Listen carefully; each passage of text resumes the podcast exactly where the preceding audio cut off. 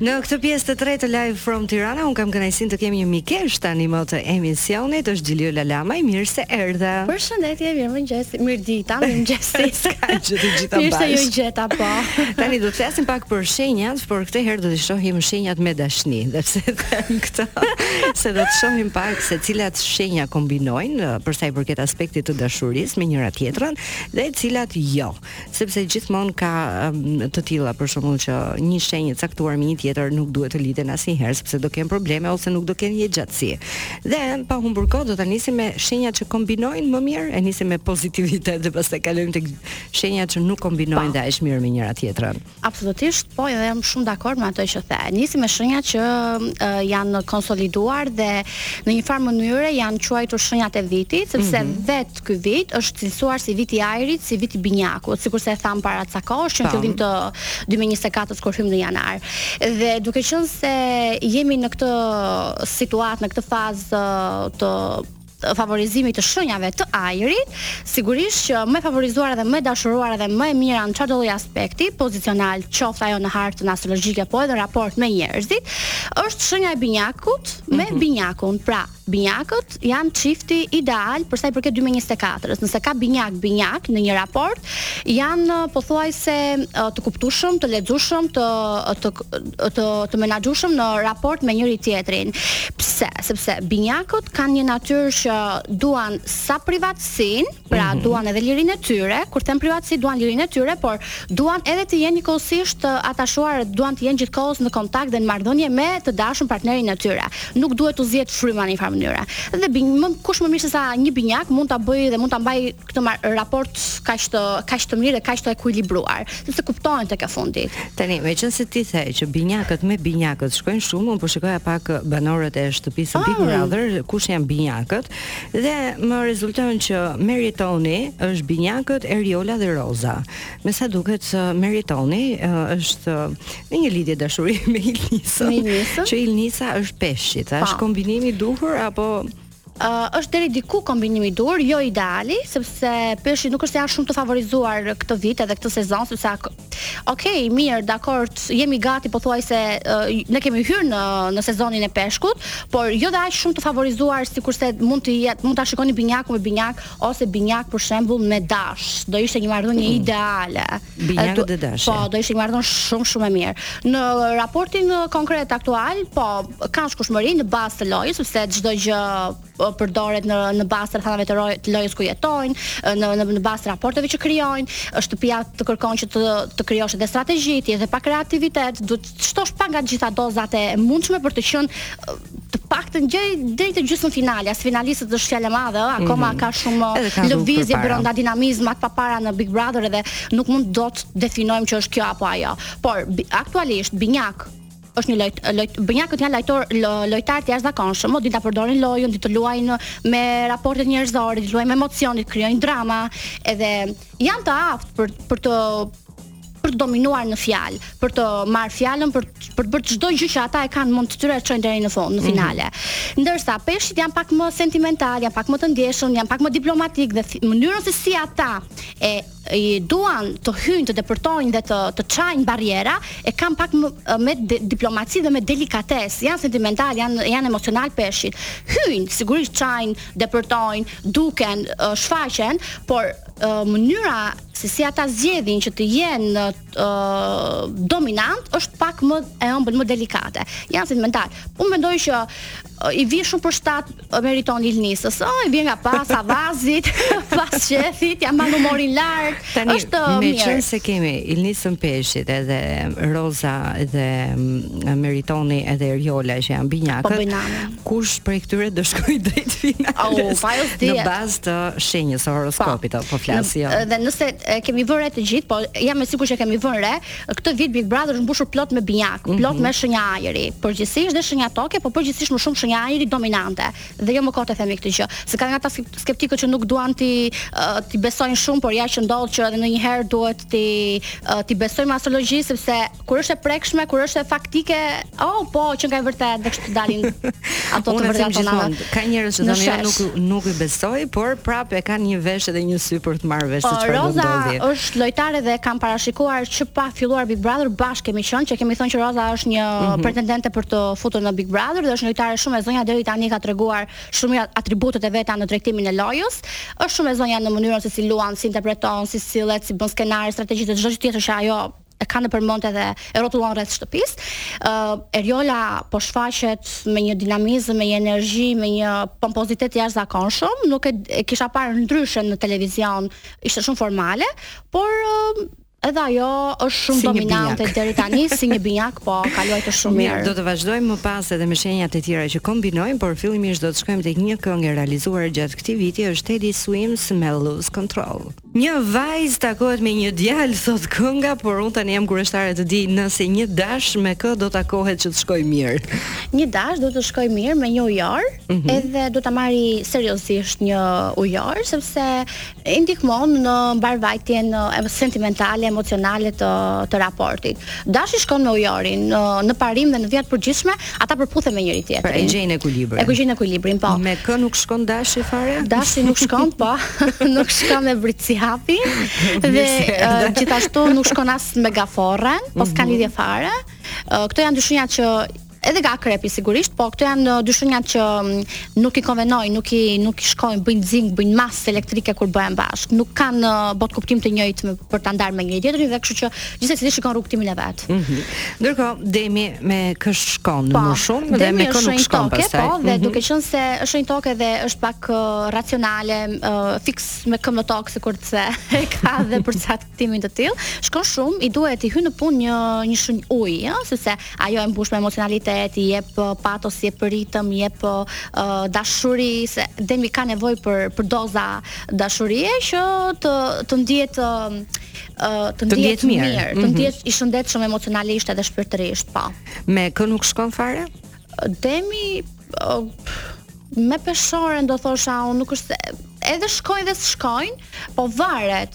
Uh, më shumë uh, shiko peshorja është ajër në rastin konkret edhe në disa parime principe të jetës, mund ta shikojmë që mund të përputhen për shembull në në kuptimin nëse duan të ndërtojnë një marrëdhënie shumë të mirë fill martesore ose eh, të, të, të nisin një raport serioz flasim, ë uh, këtu përpuqen, por fillimi i rrugëtimit të këtil këtij lloj çifti, këtij lloj kombinacioni është pak i vështirë, është pak sfidant do thosha unë. Mm -hmm. Por që shkojnë, nuk është se nuk shkojnë, por është sfidant. Ndërsa unë do thosha, ë uh, nuk do shkonte me Ëm me shigjetarin. Me shigjetarin, po pse?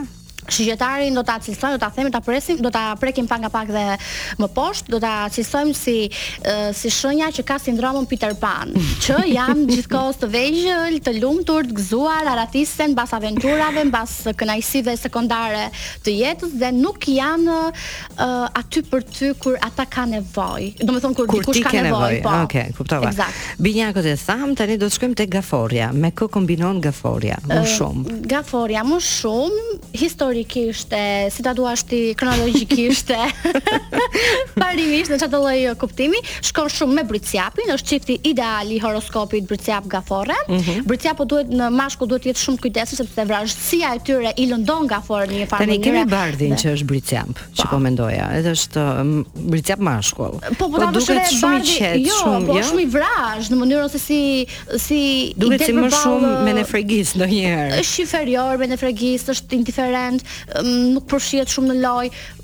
Ai akoma nuk e di a ka hyrë apo jo në Big Brother një herë dhe kjo është kjo është pyetja më e madhe për Bardhin dhe nuk është nuk është se ja ka kap fillin lojës, se aty o duhet të hysh me një strategji dhe të bësh tamam lojën të dominosh ose përndryshe nëpërmjet një romance, ok, do ecësh po deri sa, dhe ajo romancë do fiket. Kështu që e mirë është që të bësh lojën tënde një herë, sepse ti je vetë aty luftata, luftaraki i asaj i as i atij dinamizmi i Big Brother. Nuk shkon me shok. Ti shkon vet, përfaqëson veten tënde aty dhe duhet të tregosh një herë atributet e tua, pastaj të kesh terezi për të parë nëse do të krijoj romancë. Pastaj romanca nuk zgjat shumë, kështu që po kemi parë krisje. Po jo, po. Shiko, ka nga edicionet e mëparshme, ka edhe çifte që kanë vazhduar jetën të lumtur, janë martuar. Absolutisht, por ata janë përfaqësuar një herë vet, pastaj kanë patur kohë për t'u marrë me partnerët e tyre. Bardhi duhet të shikojë një herë kthesën nga vetja. Pastaj se më shumë po flitem për për disa banorë që janë jashtë se ata që janë brenda. Kështu që duhet jemi pak të ekuilibruar në mënyrën se si duhet të luajnë uh, këta uh, banorët aty. Konkretisht për Bardhin, Bardhi është po Bricjap, por uh, është pak i akullt. Jo jo pak por është i akullt, është indiferent, është menefregist, Më vjen pak i vrazhdë në raport me Sarën. Mm -hmm, meqenëse e përmendëm dhe është në lidhje me Sarën, Sara është virgjëresha, është një kombinim i duhur. Po, një kombinim, një kombinim i duhur martesor, po, por, Po pse uh, martesor si, dhe e cilëson këtë pjesën martesor? Sepse, uh, po, janë kuptush, kuptohen, ja ta mm -hmm. them unë, uh, po do martohemi, po do martohemi. Kështu është, domethënë raport po. i uh, i drejtpërdrejtë, 2 plus 2 bëjnë 4 dhe ok, jemi në rregull, nuk ka kontestim me këtë në këtë rast. Ndërsa nëse do ishin një çift, si çift ata nuk është se po bëjnë gjë të na, të jashtëzakonshme. Kanë vështirësi në në në krijimin e një raporti emocional dhe sentimental dhe të të, të ngacmueshëm për syrin e audiencës. Ata aty janë vërtet brenda.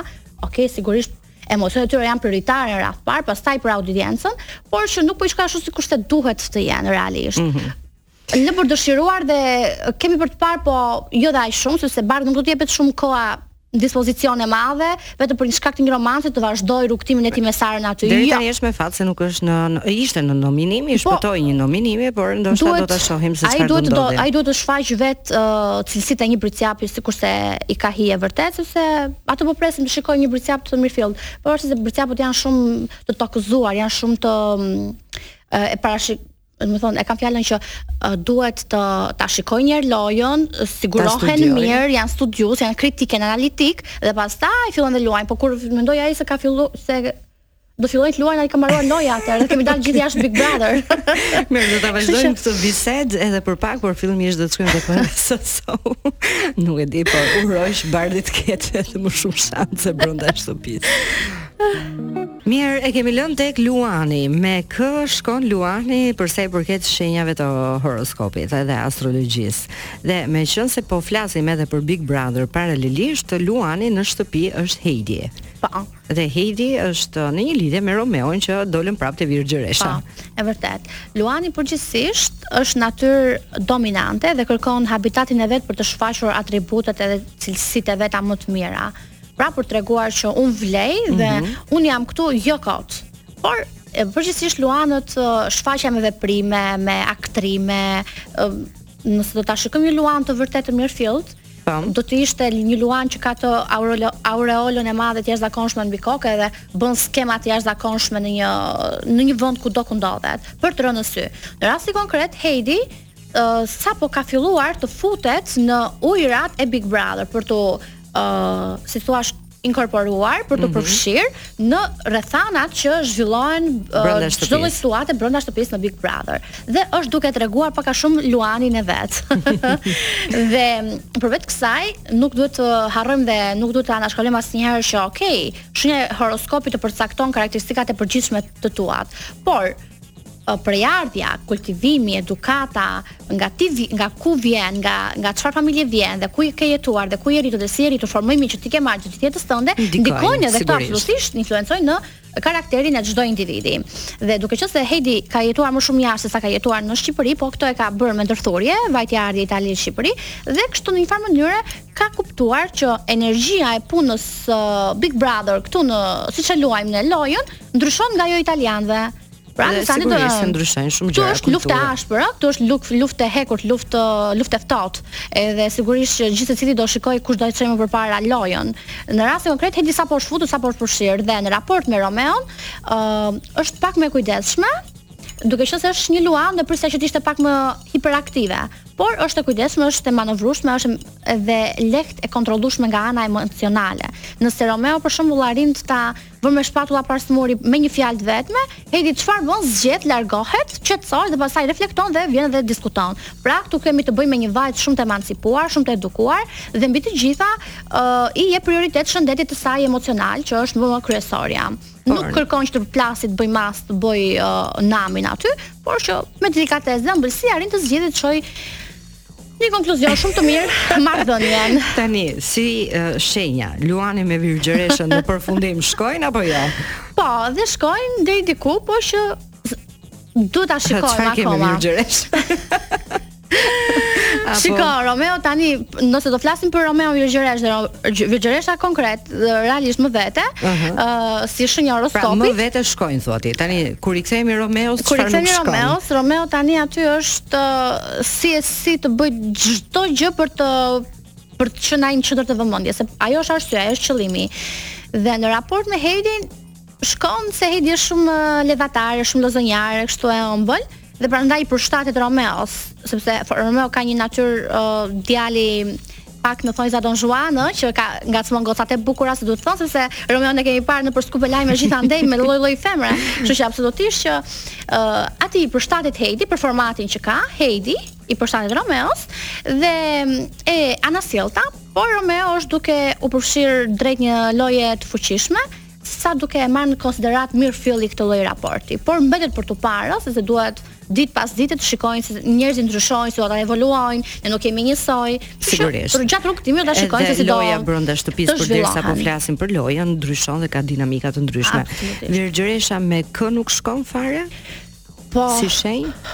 Virgjëresha nuk do shkonte me shenjat e, e zjarrit shigjetar për shembull, s'do kishte lidhje fare. Kaq. Kaq. Kaq pik. Peshorja. Uh, peshorja, peshorja është një shenjë shumë diplomate, shumë e ëmbël, di ta, di ta përkëdheli fjalën, di ta luajë me fjalën, di të futet shumë bukur uh, midis mund të ndajë edhe grupe shoqërish që janë në një konflikt të jashtëzakonshëm, mm -hmm. të mhm. tensionuar dhe arrin aty dhe depërton me ëmbëlsinë e vet për të ndarë, për të bën paqe, sepse janë si thua misionarët e paqes. Me shenja të tjera. Peshorja do shkonte shumë shumë mirë me Ujorin. Mhm. Mm shkon dhe me Binjakun, Peshorja. Janë shenja ajri. Me kë nuk do shkonte fare? Me kë nuk Peshorja nuk do shkonte me me Luanin, s'kanë lidhje. S'kanë lidhje. Jo. Akrepi. Po. Me kë shkon dhe me kë nuk shkon? Akrepi përgjithësisht çuditërisht mund të shkojë me Luanin. Mhm. Mm po, dhe nuk shkon akrepi për shembull me ujorin. Me ujorin. S'ka lidhje, është ajër, ujë dhe nuk kanë lidhje fare me njëri-tjetrin. Mirë, um, prekim pak edhe tre shenjat e tjera, është po. shigjetari, me kë shkon dhe me kë nuk shkon. Se dua të marr pak kohë për në fund edhe për diçka po, tjetër. Po, shigjetari shkon shumë me binjakun. Mhm. Mm sepse binjakët kanë tendencën t'i japin lirinë e mundshme shigjetarit që kërkon patjetër privatësinë e vet me çdo kusht për, për t'u arratis dhe për të shijuar dhe për të marrë vendime vetë se nëse janë dhe në çift e di si është e bukura fare se dhe, kjo është e forta fare që edhe kur janë çift shigjetari e marrin vendimin vet, nuk, nuk bash bisedojnë. Po dhe kjo është mundësia dhe favori dhe gjithë avantazhet që jep binjaku në këtë rast shigjetarit. Kështu që si, sindroma e shigjetarit Peter Pan ta ndjeki gjithë jetën, edhe do shikojë që do gjejë më të mirën në Duhet të shkojë me dikë po, që me dikë. i shkon. Bricjapi me kë shkon dhe me kë nuk shkon? Bricjapi nuk shkon. Bricjapi nuk shkon me Luanin. sepse ose me dashin, mm -hmm. nuk kanë shkueshmëri fare, sepse janë shenja uh, dash bricjap, janë shenja kardinale, janë shenja lider, janë shenja dominante, dhe nuk do kenë asnjë lloj, do shkojnë deri diku, por uh, një drejtimi final nuk e besoj që do shkojnë, sepse është, uh, po, un jam uh, kush jam un kush je ti dhe do fillojë pastaj që të të grricen këto edhe të të alarmojnë të ndezin gjakrat e kështu me radhë dhe përfundojnë në uh, E fundit fare, se nuk kemi kohë, por pa, duke qenë se në nominim sot kemi një dash që është Egla, një virgjëre, dy virgjëresha, është Sara dhe Juli dhe një ujor që është Gazi. Kush mendon se do të dalë? Un të them, ta them troç, mos për të mos u zgjatur shumë, u mendoj që mendoj ose Gazi ose kush është tjetra? Ujori, dashi, është Egla, virgjëresha, Sara dhe Juli. uh, ose Egla ose Dashi midis këtyre uh, ky Ujori, po, që është Gazi. Uh, uh -huh. Ose Gazi, ose Egla mund të jenë në garë për të dalë. Okay. Edhe diçka të fundit lutem. Ki, uh, kini vëmendjen, kini kini vigjilencën e madhe dhe ua jap si formë këshille që mundoni ndonjëherë të përdorni atë marshin indietro, sepse i keni dhënë shumë gaz dhe harrojnë ndonjëherë se çfarë flisin, çfarë komunikojnë dhe çfarë diskutojnë dhe si debatojnë dhe në fund fare Mm. Shko, e, e ke për banorët këtë. Alarmante, jo ah. vetëm për banorët, por në përgjithësi për gjitha shenjat. për të gjitha shenjat, parimisht për të gjitha shenjat që të jenë pak më të kujdesshme. Mos harroni të përdorni marshin indietro për të mbarëvajtur komunikimin dhe për të ekuilibruar emocionalitetin në në raport me njerëzit dhe me rrethanat që ju rrethojnë, se tek e fundit në fund të ditës e mirë është që të vesh të jesh i qetë te krevati, jo të shkosh e të tensionohesh e mos kesh kohë për të mbyllur sytë. Uh, Xhelula, unë dua të të falenderoj shumë e dashur dhe të uroj ditë të bukur në vazhdim. Faleminderit ty shumë shumë e këndshme. Ndërkohë, miq, ne kemi ardhur në fund edhe për sot. Unë dua t'ju falenderoj të gjithëve për dëgjimin, gjithashtu dua të falenderoj mikun tim përtej xhamit DJ Danko dhe në fund mos harroni, kushdo që nuk ka bërë asnjë gabim, nuk ka provuar asgjë të re.